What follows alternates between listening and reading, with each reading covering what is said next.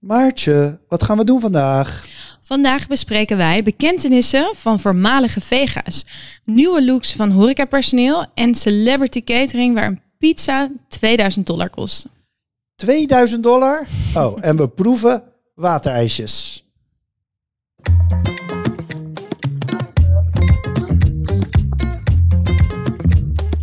Professionele eters Maartje Nelissen en Gijsbrecht Brouwer vreten zich sneller door het laatste voernieuws dan door een zak M&M's. In Backlekker de podcast delen ze om de week wat hun smaakte, verbaasde en irriteerde. De lekkerste ontdekkingen, licht verteerbare eetweetjes en verse trends.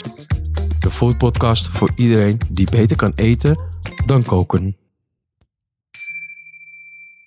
Zo, de zomer is nu wel echt begonnen en eindelijk. Was dit nou waar je ook zo naar uitkeek? Nou, daar kan ik heel kort over zijn. Ja. Ik ben niet type dat in het kamp hoort waar eh, dat nu begint te klagen over dat het eigenlijk te warm is of zo. Of eh, dat ik denk van, "Mwah, doe mij maar de aircootje, nee niks ervan. Strand, terras, barbecue, kom maar door. Ehm, maar goed, wat is jouw eetnieuws? Nou, ik vind dus eigenlijk klagen over hoe warm het is nadat we hebben geklaagd hoe lang het duurde dat de zomer is. Vind ik ook, voor mij is dat ook heel erg een echte zomer. Nederlander jij. Dus ik doe, ik doe daar aan mee, maar ik, vind, ik zou je zeggen, ik vind het ook echt heel lekker. Nou, mijn eetnieuws in het kader van Ken je klassiekers. Ik ben weer allemaal oude favoriete restaurants aan het afgaan. Mag ik je daar even voor complimenteren? Dat vind ik echt super tof dat je dat doet. Serieus? Ja, Nou, thanks. Ja, ik bekende laatst al met, met al die enorme, eh, dat hipster gedoe, merk ik dat ik eigenlijk gewoon weer zin heb in gewoon zaken zoals de scheepskameel. Dus daar was ik op date night. En ehm, eh, weet je nog dat ik het in aflevering 24 ook had over eh, horeca vindt ze weg naar de retail.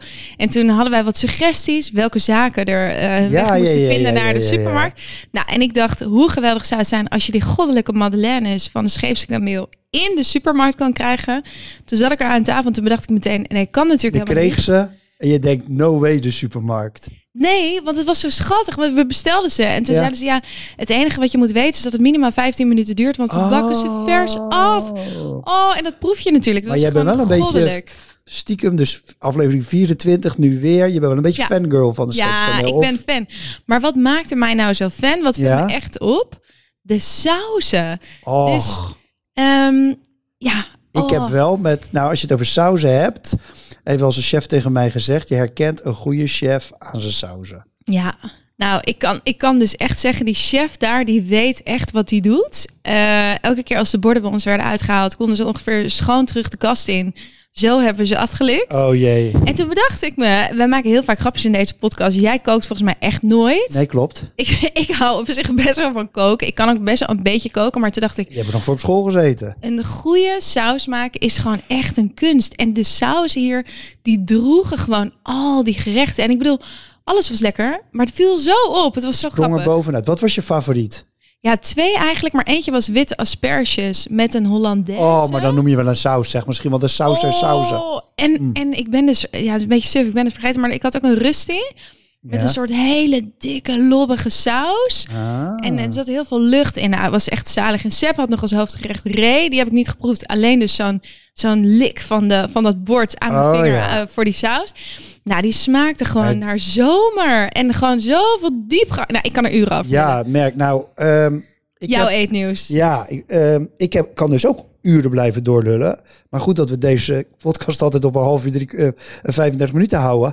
Maar je mag kiezen. Eurobrouwers, ehm, bezoek aan Antwerpen, eh, Robert van Beekhoven. Oh, de Robert? De Robert. De Robert natuurlijk. Oké, nee, dat vermoeden had ik al. Ik was weer eens buiten de Randstad in de provincie, in Brabant. ja. En ehm, ik was daar, want ik was met mijn broer eten en met Mirjam. Jij kent Mirjam natuurlijk Ja. ook. Jij bent in haar podcast geweest. Dus, eh, dus we zaten daar in Oosterwijk of all places. Dus ik vroeg aan Mirjam, nou, zit hier nog iets goeds in de buurt waar we even langs moeten gaan? We hadden overigens heerlijk gegeten. Toen zei ze, nou, die bakacademie van Ja, Robert ja. zit hier om de hoek. Oh, leuk. Dus in, het was een oude ja, fabriekachtig ding. Wij daarheen. Ehm, dus nou, heeft hij daar een kleine horecazaakje. Was Robert er zelf? Nou, ik heb hem niet gespot. Hij heeft ook niet één bakacademie, maar hij heeft een chocoladeacademie, een Oh. bakacademie en een broodacademie daar zitten. Wauw. En dus een klein winkeltje. Dus die heb ik ongeveer leeg gekocht met mijn broer samen. Mm. Hoogtepunt was mijn chocolade hazelnootpasta. Die is inmiddels al op. Oh, en natuurlijk Brabantse worstenbroodjes. Mm. Ik ken je trouwens die eh, chocolade hazelnoot pasta van Vlaams Die is Broodhuis? ook heel goed. Mijn god. Nee, die zeker. Is echt, die wordt in België gemaakt. Die is Ah. echt goddelijk. Heb je er eentje voor me meegenomen? Nou nee, ik had wat anders voor je meegenomen. ja, dat was Want wel heel was jarig. zoet. Ook en van Robert. beschuit met muisjes. Ja. Eh, zonder beschuit met muisjes. Ja, en nog even Robert. geduld hebben tot het zover Ja. is. Ja. Hey, superleuk dat je weer luistert. Jij had nog eentje te goed van de vorige Ja, aflevering. klopt. Het ging eerst over mijn voormalige schoonmoeder. Nu ging het over jouw echte moeder. Oh, ik heb zo gelachen om dat verhaal van je voormalige schoonmoeder. Maar ik had inderdaad iets beloofd.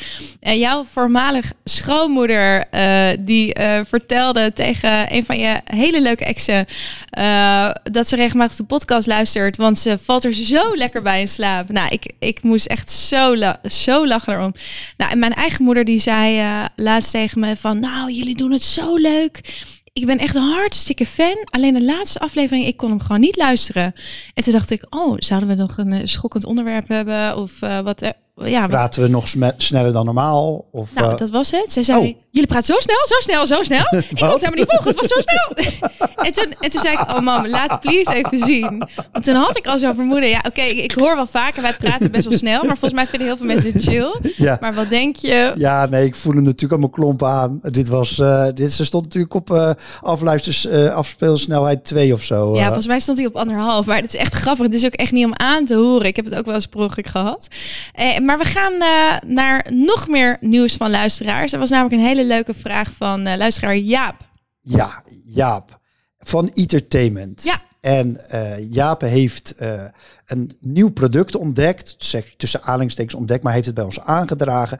Echt een heel dof soort van gedroogd eigeel. Hij heeft op Entertainment heeft hij daar een, een recept voor staan. Maar in het kader van de horeca eh, naar de retail aflevering 24 heeft hij een vraag voor ons. Laten we even luisteren. Hey Maartje en Gijsbrecht, Jaap de Jong hier. Even een berichtje, omdat ik jullie podcast zo fantastisch vind. Ehm, laatst had je het over blurring, over dat food service en food retail steeds meer samenkomen. Eh, wat mij ook opvalt is dat food service steeds meer at home komt. Wat je in de horeca ervaart, wil je ook thuis ervaren. En wat ik laatst op de kaart zag bij een aantal restaurants is ehm, gedroogd, gedroogde eierdooier. Ehm, de typische umami smaak. Veel, eh, veel mensen zijn natuurlijk bekend al met zout, zoet, zuur en bitter. Maar de vijfde smaak, eh, umami, eh, is nog voor veel mensen een onontdekt fenomeen. Umami staat voor hartig. En ik heb een heel gaaf recept even voor jullie online gezet. Op entertainment.nl. Zoek dan even op gedroogde eidooier. Dat is een recept waarbij je een, een eierdooier in zout en suiker voor een paar dagen droogt. En daarna nog heel even op de oven in 60 graden doet. En daarna rasp je dat over je pasta heen. En dat is echt een fantastische smaakbeleving. Heel veel plezier ermee. Ja, misschien leuk om te weten. Dus Jaap de Jong is van Entertainment, maar ook van Young Perfect. En Jaap is echt een ontzettende retail eindbaas en een onwijze foodie. Dus ik weet dat hij gewoon persoonlijk heel graag in de horeca komt. eh, maar dus heel, volgens mij heeft hij 30 jaar ervaring in activaties in de supermarkt. En hij is een man die altijd dus heel erg sowieso in omni-channel denkt. Dus van al die werelden samenbrengen. Dus vandaar dat ik deze vraag ook wel heel, eh, heel leuk vond. Ja, en de vraag is dus, kan, kan dit product nou... Ja. Kijk, gevoelsmatig zeg ik, zet het gewoon naast die chili crunch van, van David Chang neer. Misschien is het nog een beetje, je denkt van het moet vers gemaakt worden of zo. Misschien Ja, toch dat voor je denk neus. ik wel. Ik vind toch wel met ei. Dat zou, ik, vind, ik vind het dus ook wel een product wat ik heel leuk vind om in de horeca te eten, moet ik eerlijk zeggen. Ja, dat hou je toch. Ja. En dan nu? Food, Food news. Hey, we kwamen weer een heel lekker item tegen over food en fashion. Die, die komt ook vaker bij ons terug. Ja. Er zijn toch bepaalde onderwerpen waar wij gewoon samen heel erg blij van worden. Maar deze, luister even naar de titel weer. How restaurant uniforms became so stylish. Ofwel, waarom ziet de bediening in de horeca er ineens zo goed uit? Echt een onderbelicht onderwerp wat ons betreft. Ja, en hoe kwam het eigenlijk dat dat tot op heden, in ieder geval in Nederland, nog niet zo vaak zo was? En wat valt ons nou op? Er wordt heel veel geïnvesteerd in horeca, in het ontwerp zelf, in het concept, in het team. Eh, maar één eh, element was vaak een ondergeschoven kindje en dat was inderdaad de kleding van de bediening en de chefs. Ja, en dat zie je natuurlijk vooral dat dat in het middensegment eigenlijk een beetje aan zijn beloop wordt gelaten. Ja, klopt. Want jij zei terecht al eh, in de voorbespreking van, hè, je merkt het aan de onderkant van de markt, dus ook in de fastfoodzaken. Iedereen bij de McDonald's en de Subway en ook de Starbucks heeft precies dezelfde Starbucks aan en is heel herkenbaar. Eh, mij valt al jaren op aan de bovenkant van de markt. Zie je dat daar ook al echt heel lang heel erg in geïnvesteerd wordt. Dus denk aan sterrenzaken zoals de Librei of de Jane in Antwerpen. Wat ik dan altijd heel leuk vind aan dat soort zaken is dat ze heel vaak uitpakken met een, eh, met een lokale designer of echt iets ontwerpen met een kledingmerk. Maar verder inderdaad, wat je zegt, dat middensegment is dus vaak heel beperkt. Ja, en als we het al over kleding en restaurants hebben, gaat het heel vaak over de gast. Wat die Ja, aan moet. In en wat- plaats en van personeel. niet. Ja, en niet. zijn, ja. Dus dan Geen het- petjes. Ja. Geen petjes, geen eh sportschoenen, dat soort dingen. Of Ik vind wel een dus- jasje aan. Oeh, in hele Ja, dat sommige is zaken. wel een soort van 2005, Ja. als dat nog wordt voorgeschreven. Ja, Toch nou, krijg dat- jij ooit nog wel eens een bevestiging Nee. dat er wordt gezegd... Nou, Ja? soms. Ja. Oké, oké. Maar heel zelden. Maar het voelt voor mij ook absoluut 2005. Maar we gingen even een andere richting uit met dit item, dacht ja, ik. want we hadden het erover dat die kleding van horeca-medewerkers een ondergeschoven kindje was en dat ze aan het veranderen. Dus wat zien we vooral in het buitenland? Staan er een paar designers op, bijvoorbeeld die heel veel affiniteit hebben met de horeca, bijvoorbeeld met, vanuit hun familie of al lang verbonden zijn met de horeca. Eh, dus zo is er een ehm, ontwerper uit LA, Dennis Fryson.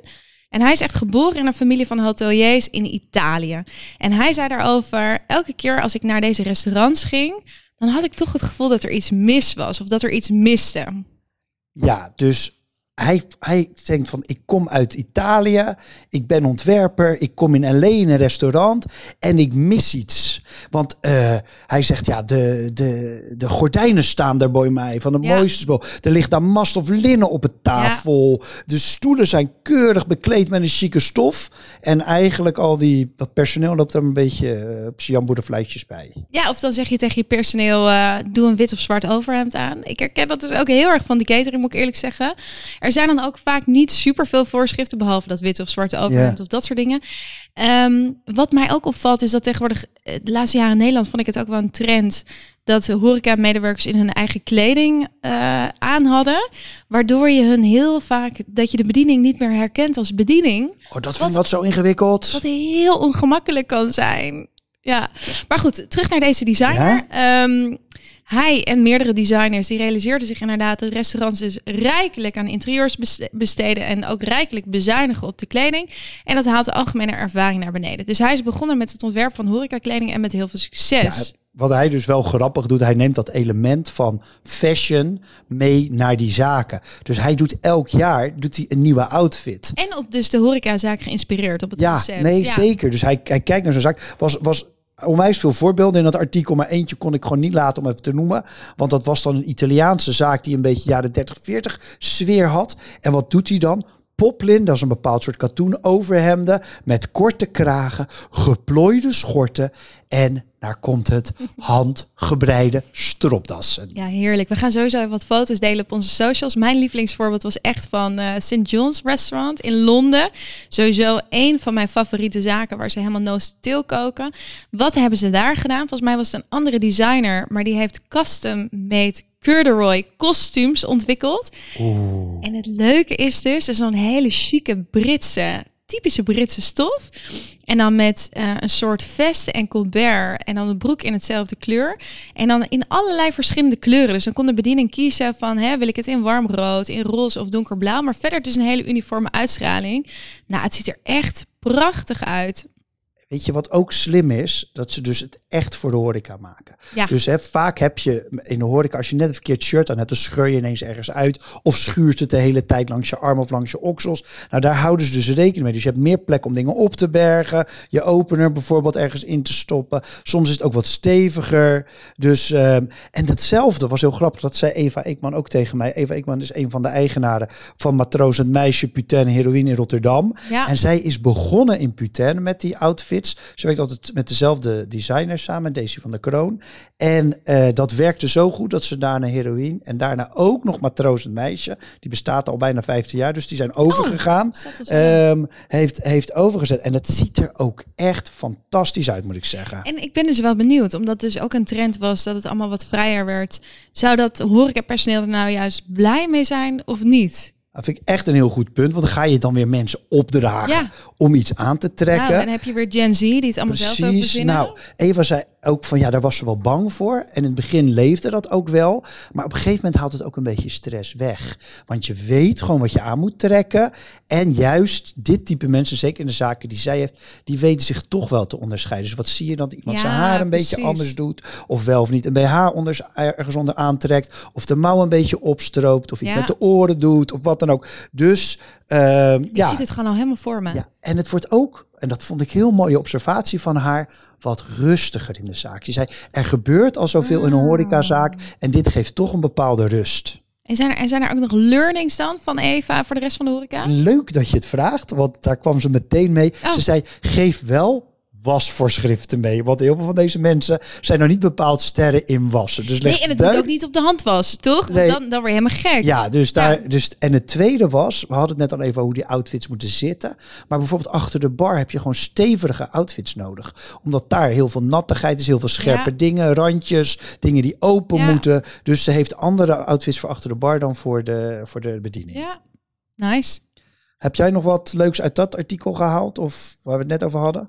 Nou, ik kijk wel met een licht schaamrood op mijn wangen terug aan de tijd dat ik 16 was en in de horeca werkte. En dan van die hele lage heupbroeken had en dan net iets te pikante topjes. Oh, maar die zijn weer moest helemaal in. Nee, maar dan moest je de hele tijd dus bukken voor die lage koelingen. Nou, dit, als ik eraan terugdenk, denk ik, hoe kom ik? Maar goed, eh, terug naar dit stuk. Eh, ja, volgens mij is het heel duidelijk dat gasten gewoon hongerig zijn naar stijl en design aan tafel en daarbuiten. Ik was nog wel benieuwd, waarom komt deze trend nou nu op? Ja, ik heb daar even over nagedacht. Want ik denk wel dat het eigenlijk heel simpel is uiteindelijk. Er is onwijze professionalisering in de horeca bezig. Mm. Eigenlijk voor corona al begonnen. Door corona eigenlijk een soort van verplicht voor iedereen. En mensen denken gewoon voor het eerst na over al deze Ja, dingen. ja, ja. En denken van, joh, als ik zoveel vakantiedagen geef aan mijn personeel... en ik zorg ervoor dat ze, weet ik veel, nog extra opleiding krijgen... en dit mogen en dat mogen... waarom zou ik niet voor goede kleding zorgen? Eigenlijk heel simpel. Zal ik nog één uitsmijter erin Ja, gooien? laatste. Even één, laatste voorbeeld. Want wat ik dus wel heel sterk vond, ik eh, zat onlangs aan de bar bij eh, Next in Amsterdam Noord. Ja, En toen raakte ik in gesprek met Sjoerd, de ondernemer. ja de eigenaar. ook ja. van, eh, van Plek. plek. Het zit op de NDSM-werk en hij NDSM-werf. En hij heeft dus al zijn medewerkers een eigen kledingbudget gegeven. En hij vertelde, nou, dat was echt geen lullig budget. Dus mensen konden best wel uitpakken. Ehm, en die Sowieso mensen die zien er... niet lullig. eh. Nee, het is enorm... Is uitgepakt. maar die mensen daar Ja. zien er allemaal dus op hun eigen manier echt fantastisch en heel gesteld uit. En wat je dus ziet, is omdat ze zelf een eigen outfit hebben gekozen, voel je gewoon dat ze ja, zichzelf op een hele fijne manier Eigenlijk dragen. het andere eind van het spectrum. Ja, en, en dus ook zich heel comfortabel voelen in wat ze dragen. En dus ook echt een soort gastheer, gastvrouwschap uitdragen. En dat merk je echt. Dus vet om te zien. Maartje, jij hebt tien jaar ervaring in high-end catering. Wat is het meest sappige wat je hebt meegemaakt met eh, internationale celebs of BN'ers of zoiets? Celebs? Je bedoelt Celebs. celebs. Celebs. Nou, celebs, dat klinkt als een paddenstoel. Maar ehm, ja, wij deden natuurlijk vooral zakelijke dingen. Dus het aantal celebs of BN'ers, wat wij van catering hebben voorzien, was best eh sumier. Oh, jammer. Maar er is me wel één ding enorm bijgebleven. En dat is eh, de Next Web Conference. Een grote techbeurs voor 15.000 bezoekers in Amsterdam. En daar was in 2018 celeb Will I Am. Dat is eh AAA is Ja, dat. toch? Van, Ja. eh, van de Black Eyed Peas. Black Eyed ik, ik, was elke keer, ik dacht elke keer dat Verwel kwam. dus dat was nog Dat wel weer AAA toch een plus. Ja. Eh, maar het was Ja. I Am. En wat ik me vooral kan herinneren van onze event manager die op die klus stond, die zei: Onze ster zelf is echt heel relaxed. Maar die manager. Maar dat is zeker in Amerika wel hun vak. Hè? Oh Daarom God. kan die ster zo relaxed zijn. Omdat een een of andere kenau of eh, boze kerel de hele tijd loopt te zeggen van dit wel, dat niet. Nou, maar dat was echt niet normaal. Oh.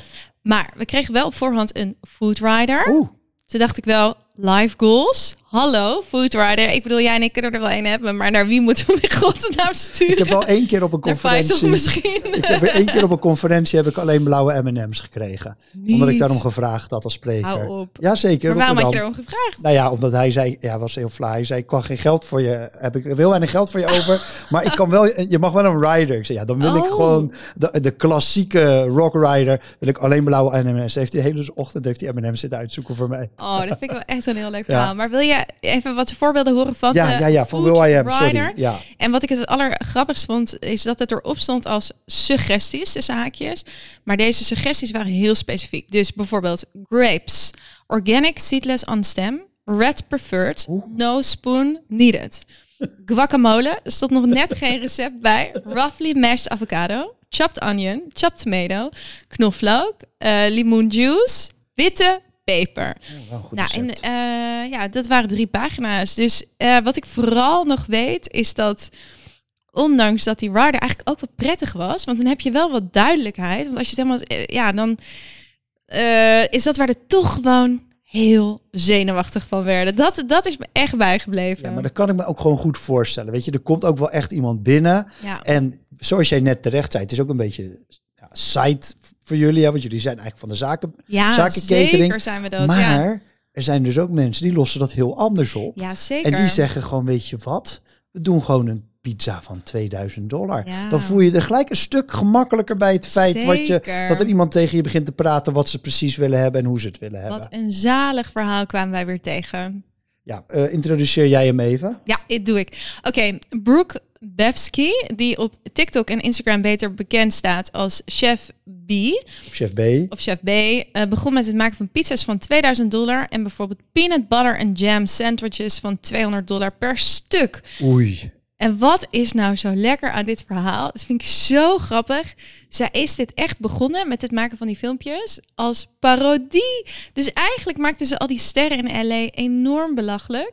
Maar toen werd ze enorm gehyped. Volgens mij zit ze op 300.000 volgers op Instagram en op TikTok nog meer. Toen zagen al die rijke klanten haar en de AAA celebs haar filmpjes en recepten. En toen dachten ze, nou, dit wil ik eigenlijk wel. Ja, en die, die chefs, of die, die, die rijke lui zeggen dus, doe mij die chef van die 2000 dollar pizza en die 200 dollar PB&J. Mhm. En dan inmiddels heeft zij dus een soort reputatie als de chef van de sterren. Omdat ze, zonder dat ze het doorhebben, ze eerst eigenlijk belachelijk hebben gemaakt. Ja, nou en wat doet ze nou? Ze eh, kwam op het idee om de meest luxe versies van alledaagse gerechten te maken. Nou, en overal zit overal natuurlijk eh, die talloze rijke superfood poeders in. Alles is gluten-free. Daar komen wij in een volgende vegan. aflevering nog op terug, op die superfoods. Want laten we eerlijk zijn, het is natuurlijk wel wellness-obsessed LA. Het- In die rider van Will I Am stond trouwens ook in de basis uiteraard 100% vegan. Free from refined sugars. Alles organic, bla bla bla bla. Ja, dat zo, was echt de basis. Zo West Coast eh, Maar Amerika. wat maakt ze nou bijvoorbeeld? Ze maakt bijvoorbeeld raw honey cacao brownies met heirloom cacao. En natuurlijk van die Nieuw-Zeelandse manuka Oh, Die honing. is wel Die, lekker. 150 euro per Oh ja. potje kosten. Ehm, Oké, prima, dan maakt ze die. Maar eh, vertel eens even over de meest bizarre die er ook nog was. Nou, wat ik verder vrij techy en grappig vond, was er één opdrachtgever die wou gewoon alles met ieder gerechtje wat ze serveerde op het tuinfeest, wou ze gewoon eh, met 24 karaats blad, blad goud. Oh, zo lekker nouveau riche dit. Zeg, Ja, laten we gewoon overal goud overheen gooien. We Ja. hebben het geld toch. Ja, nou en ik moet zeggen, ik heb een paar filmpjes van haar gekeken om een beetje in de, in de LA flow te komen. En het is echt heel grappig. Dus haar doel is dat ieder gerecht dus zo kostbaar mogelijk is. Dat is een beetje de gimmick of de grap geworden. Of de duurste in zijn soort. En dat begint natuurlijk bij de ingrediënten. En waar vind je die? Bij One. Arrow One. Dat is de enige supermarkt in LA die ervoor zorgt dat de Whole Foods of de Landmarkt in Amsterdam eruit ziet als de Aldi. Ja, wat ik dus, ja, dat sowieso. Die Air One is natuurlijk gestoord. Maar denken wij dat wij eh dure supermarkt hebben in Nederland? Nou, niks ervan. Ja, misschien even één voorbeeld geven van Arrow One. Ja. Je koopt daar een flesje water eh, voor ongeveer 15 dollar. Daar begint het mee. dat is de Of een juice, prijs. 28 dollar. Ja. Weet je, en de meeste mensen lopen met drie, drie dingetjes in een mandje naar buiten. En dan tik je de 100 dollar aan. Dat is een Mijn beetje de God. gedachte daar. Klopt. Maar wat ik zo grappig vind aan dit verhaal. Is dat er eigenlijk een soort. Ja, ik noem het bijna een soort parallel universum is in de catering en in de horeca. Ja. Mensen denken natuurlijk dat, eh, if you got it, flaunt it, je moet, eh, je moet ergens in een harbor club gaan zitten op een andere plek om heel chic en duur te doen. Maar dat doen ze helemaal niet. Ze lopen gewoon in de tuinen of in de keukens van die rijke sterren, in die villa's. Daar wordt voor tienduizenden, zo niet honderdduizenden euro's aan horeca verspijkerd. Ja, en ik denk ook dat zien en gezien worden tegenwoordig, eh, dat doe je eigenlijk nog liever online of op Instagram dan, eh, Goed punt. dan bij George Marina, toch? Ja, en, de, en, en ik moet zeggen, ik, ik, toen ik dat voor het eerst meekreeg, werd ik uitgenodigd door een margarinemerk om in de tuin van Do iets te gaan presenteren. Ik denk, oké, prima. Sorry, maar ik vind het op een manier echt heel verdrietig klinken. Dus een margarinemerk en Do. Dit is, dit is wel de hele afgeslankte versie van... LA versus de Ja. polder in Nederland. En, hè? maar wat serveerden ze dan daar? En, nou, ik, ik ben niet gegaan. Nee. nee, jij dacht hier is sowieso Oeh, geen mij niet bellen.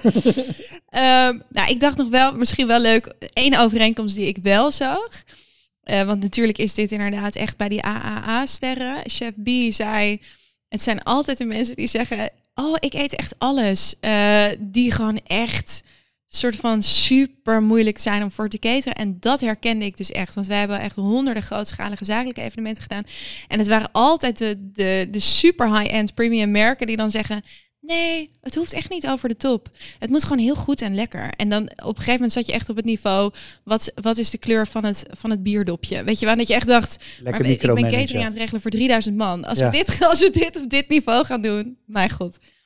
Ehm, wat, ik, wat ik grappig vond is, ze zei, die, die B, die gaf ook ons eh gewoon de stervelingen nog een tip mee. Ja, Hè, van wil je nou gaan, eh, gaan cateren voor de sterren, dan moet je eigenlijk één ding doen. Neem een eh truffelconcierge. of een. Of een caviar conciërge. En conciërge bedoelt dan mee het Engels woord concierge. Ja. Eigenlijk een beetje een soort van... Ja, je kan het eigenlijk vergelijken met een drugsdealer. Weet je wel, je stuurt hem een WhatsAppje of een, eh, of een sms'je. En dan komt hij op zijn scootertje voorgereden. In plaats van dat hij een paar ponypackjes bij zich heeft... heeft hij dan ineens een behoorlijke kluit van een truffel bij zich. Of 250 gram van het beste eh, beluga caviar.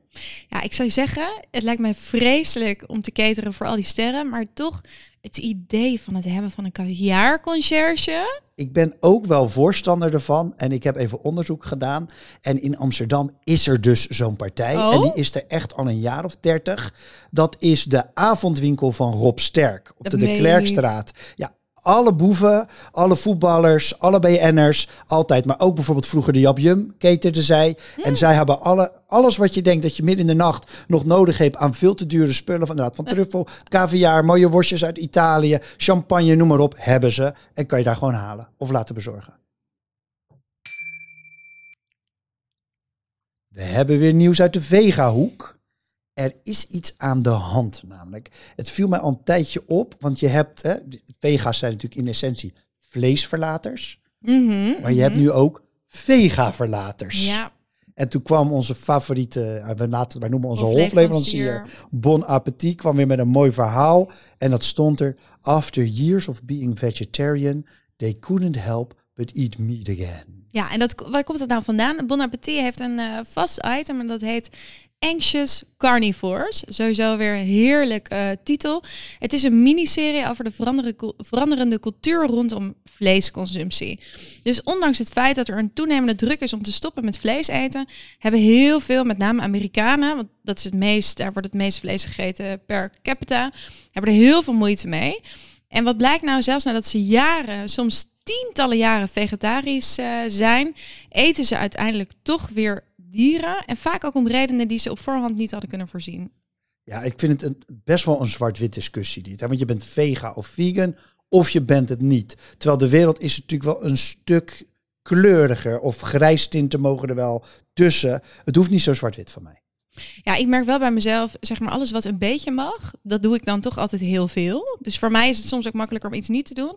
Maar het gaat er inderdaad om dat veel mensen toch weer vlees gaan eten. En dit artikel zegt, dat is vooral vanwege gezondheidsredenen. Of je Ja, aanvulling op je dieet. Ja, ik vind gezondheid altijd zoiets dat misbruikt wordt als argument. Ja. Want eh, er zijn meer onderzoeken die uitwijzen dat vlees eten slecht voor je is dan Ja. dat het goed voor je is. Dus maar misschien voelden ze zich wel minder gezond. Dat kan ik me wel voorstellen. En dat je denkt dat lapje vlees helpt me misschien een heb beetje. ik nodig. Ja, nou in 2014 ontdekte Fanalytics, een organisatie die onderzoek doet naar de ondersteuning van eh, dierenwelzijn, dat 84% van de 11.000 mensen die ze hebben geïnterviewd tijdens hun vegan of vega live toch vrij snel weer terugvielen naar hun omnivore gedrag. Dus wat blijkt nou? Een derde van de deelnemers hield het minder dan drie maanden vol.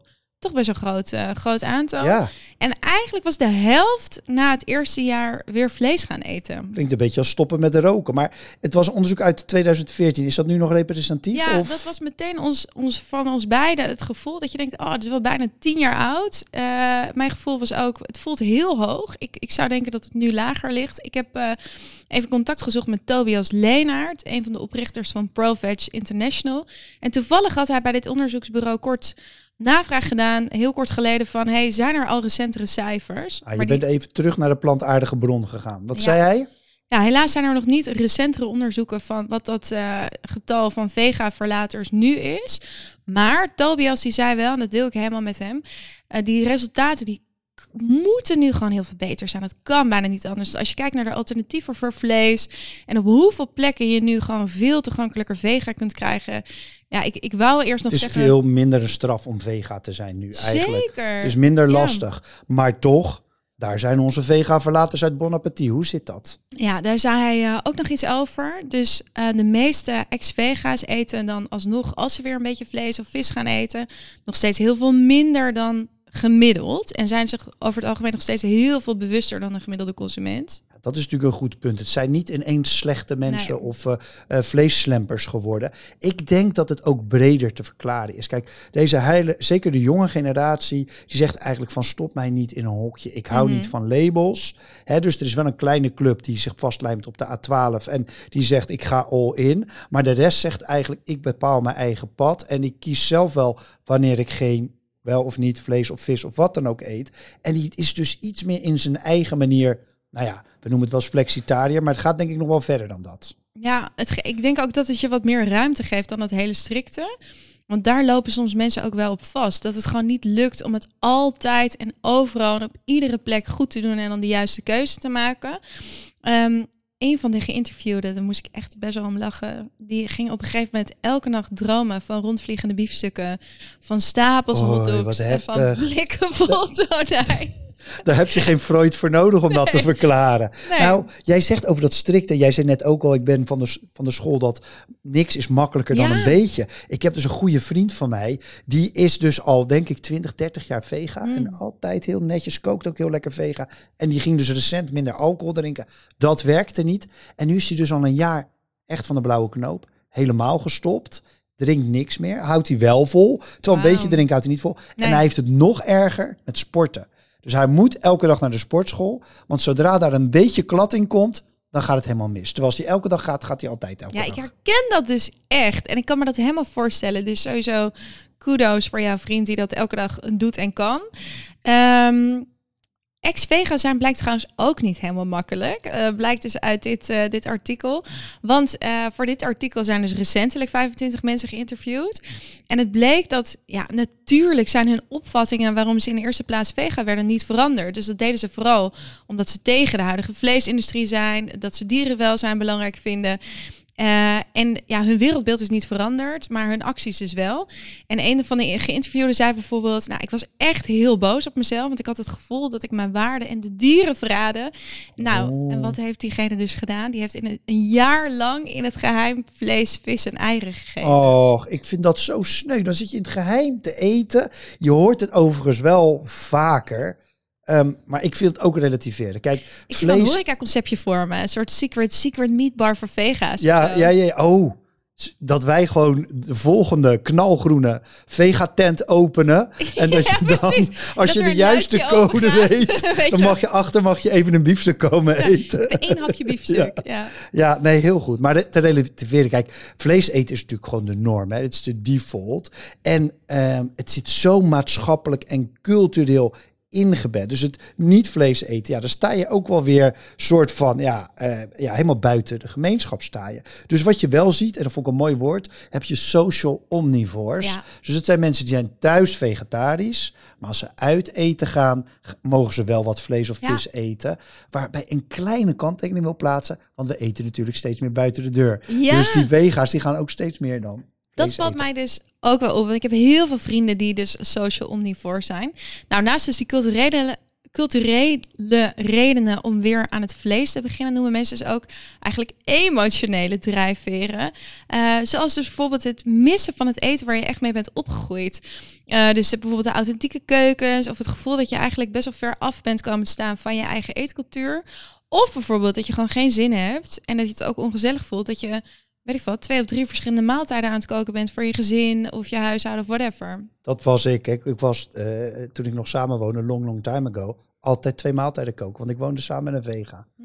Ehm, maar eigenlijk zijn vega's, hoe dan ook, altijd de klos. Want of ze zitten met zichzelf in de knoop, hè, vanwege hun morele kompas, dat ze wat ze dieren of de, de, de maatschappij of de duurzaamheid niet willen aandoen. Of ze zitten met hun eigen identiteit en hun sociale activi- activiteiten en hun culturele tradities in de knoop. Ik vind het dan echt eigenlijk een heel treurig einde. Ik ben het er niet helemaal mee eens, want ik ben ook echt grotendeels eh, vega. Maar wat de auteur zei, en misschien is dat toch wel een mooi einde. De mensen die ik sprak realiseerden zich uiteindelijk dat het samen zou moeten kunnen gaan. Dus af en toe een klein beetje vlees eten en je nog steeds mogen verzetten tegen de manier waarop het wordt geproduceerd. Nou, dat vind ik mooi. Kermis in, in je je bek. bek. Zoals altijd proeven we bij Kermis in je bek drie producten. En producer Faisal proeft weer mee. Yes. Maartje, normaal doe jij de fun facts, maar ik heb een combinatie nu met een fun fact en een vraag aan jullie. En aangezien jij vandaag, we zullen het op de Insta posten, een raketoorbel in hebt, Ja, heb ik een raketvraag Ja, voor jullie.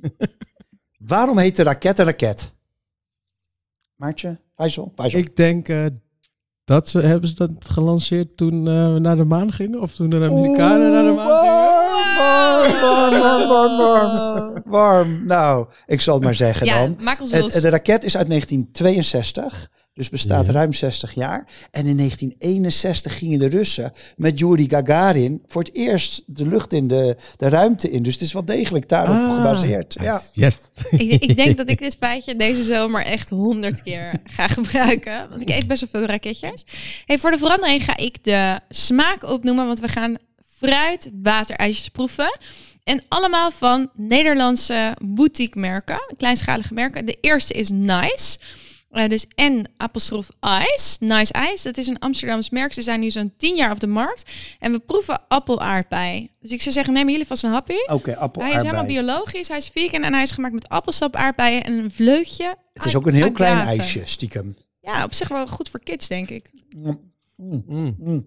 Oh, Oh ja. die aardbei komt er goed uit. Ja. En het tipkeltje, dat rinsen van de appel, dat is ook wel lekker. Beetje stroop bijna. Niet te Ja. zoet. Ja. En je proeft ook nog wel een beetje pitjes ook. Ja, je ziet inderdaad ook die, die aardbeienpitjes gewoon in het ijs zitten. Oh, deze is wel heel goed tegen de dorst, hoor. Oh, Oké. lekker. Dat voelt ook heel gezond. Gaan we Nou, door naar twee? De tweede. De tweede is van IJsbaard. Wat een lekkere naam. Lekkere naam, hè? IJsbaard. Nou, ik vind het eigenlijk helemaal... Ja, ik weet niet. Ja, eh, Nee, Nee. deze. Deze. Deze. Die een beetje mos, mosgroenig is die. Oh, daar kleurtje deze. Dit Ja, is, is- ik heb hier oh, een mango passie met... Nee, dit is niet Oh. mango passie. Oh, welke is die dit? had ik ook gekocht. Oh, appelpeer maar we, was dit. ik- we we eten nu appelpeer. Jij zei net toevallig, het lijkt wel alsof die uit dezelfde fabriek komt. Want hij is echt even groot. En qua verpakking... Nee, die 1 en Dat 3 is lijken op elkaar. Oh. Oh. Nee. Och. Deze is niet voor mij. Is Nee. een beetje appelmoes. Ja, maar er zit beetje, ook iets, Hij heeft een hele appelmoes en iets heel- nasmaak. oh ja, en iets hartigs. Bijna iets ehm spinazie of zo erin zit. Of, of, of andijvie. Er zit iets heel Zou het door bitters die nog kleur in. komen dat je die associatie hebt? Ja, ja, het is echt appelmoesachtig inderdaad. Echt Ja. een beetje appelmoes. Nou, Oké, naar nummer de drie. Derde. Die is van Flevo Ja, die lijkt op de fabriek van Nice. Dat was die daar blijkt. En dit zijn waterijsjes, appel, ananas en persik. Oh, wat leuk. En ze noemen het zelf zomer op een stokje. Mm.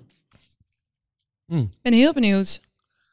De structuur van het ijs is echt heel Wow, anders. heel Per anders. ijsje is de structuur anders. Dat is heel, je verwacht het dus, wat is nou ijs? Maar het is ook wat zo. Deze is heel ja, eh, Compact. compact inderdaad. En heel bijna een beetje soort plakkerig. Meer ijskristallen erin. Ja. Want die van Nice is echt gewoon bijna een smoothie, maar dan heel koud. Ook nou, bijna granita, die van Nice. wat vind ja. jij Ik, van die ehm, laatste? Van die laatste? Die persik hou ik er wel uit. Ja, maar ik, die, ik vind zeg maar te veel naar alle smaken. Het is een beetje dubbel fris. Ja, hij mist een beetje iets uitgesproken. Het is taxi. Taxi op een stokkie. Geen Taxi, zomer op een taxi, stokkie, ja. maar Maar taxi op dat een klinkt wel stokkie. heel oneerbiedig, want Ja, ik vind dat hem wel lekker. Oké, nou je mag nu zeggen welke je de lekkerste vindt. Nice. Nice, Nummer 1, is dat nice? nice. En ik ook. Zo, Wow. unanieme winnaar. Gefeliciteerd, Nice. Waar kijk jij naar uit? Nou, ik heb eigenlijk best wel iets groots. Oh, Ehm, en ik ben, ik ben, ja, ben er het is ook wel een beetje spannend, eerlijk gezegd. Wij gaan een nieuwe stad openen, of we hebben eigenlijk net een nieuwe stad geopend, afhankelijk van wanneer je dit luistert. Ehm, de buik van Den Haag. Dus we hebben natuurlijk Rotterdam, Amsterdam en Utrecht. Hè? Dus Maartje, Amsterdam, Gijsberg, Rotterdam, Faisal, Utrecht. Utrecht. Maar nu komt er dus ook Den Haag bij. En we hebben een superleuke hoofdredacteur gevonden daar. Jelle heet die. En die stad is eigenlijk best wel leuk om Weet je in te wat leuk duiken. is? Nou, wij kwamen er toch achter dat verreweg onze meeste luisteraars in Den Haag zitten. ja. Daar heeft iemand gereageerd. Want we hadden gevraagd om tips. En iemand heeft deze week aan ons allemaal tips gestuurd op Instagram. Dat vond ik echt super leuk. Oh, wil je die doorzetten? Ga ik Ja. even checken of ze ook Ja. op de buik staan. Nou, de, eigenlijk, ik kijk er heel erg naar uit. Ik heb het idee dat we een heel ja, goed gaan landen daar. Ehm, maar ik vind het ook wel spannend. Het is toch weer een nieuwe stad. Ja, snap en ik. jij? Ik eh, ga op vakantie. En ik heb dus per ongeluk, ik, dat meen ik echt, het klinkt heel suf, maar heb ik het dus echt een heel dik hotel geboekt. Ik zat een beetje met mijn lenzen uit. En, Eh, zijn nou drie sterren of vijf sterren? zes. ja. Per ongeluk een suite bij Lago Maggiore. Ehm, en volgens mij Lekker. leven deze mensen om te eten. Want ik ging een beetje door hun website. Er zit een heel, heel lekker restaurant bij. En wat ze zelf noemen een snackbar. Nou, het ziet er echt niet uit als een snackbar. Italiaanse snackbar is gewoon goed. Maar echt gewoon een soort pizzeria met, in de tuin met geweldige pizza over alles. Maar ze hebben dus allemaal food tours die ze aanbieden. Waaronder een kaastour langs een van de oudste kaasboeren in een of andere grot van Italië. Heerlijk. Oh, ik heb er heel dus jij komt in. terug als kaasexpert. Ik denk het. Of uh, formaggio expert. Experte Sì. di formaggio. Top. Dankjewel voor het luisteren. Dit was Backlekker de podcast vanuit een zomersbunk in Amsterdam-Noord. Dank aan Gold Kimono voor deze lekkere tune en aan Faisal voor de productie en het meeproeven. Vond jij dit nou een leuke podcast? Stuur hem dan alsjeblieft door naar een van je vrienden. En vergeet niet onze podcast te raten in een van je favoriete podcast apps. Heb jij nog nieuws voor ons? Laat ons vooral weten via Instagram of LinkedIn. Je vindt ons als je zoekt op Back Lekker de podcast. Tot over twee weken. Over twee weken.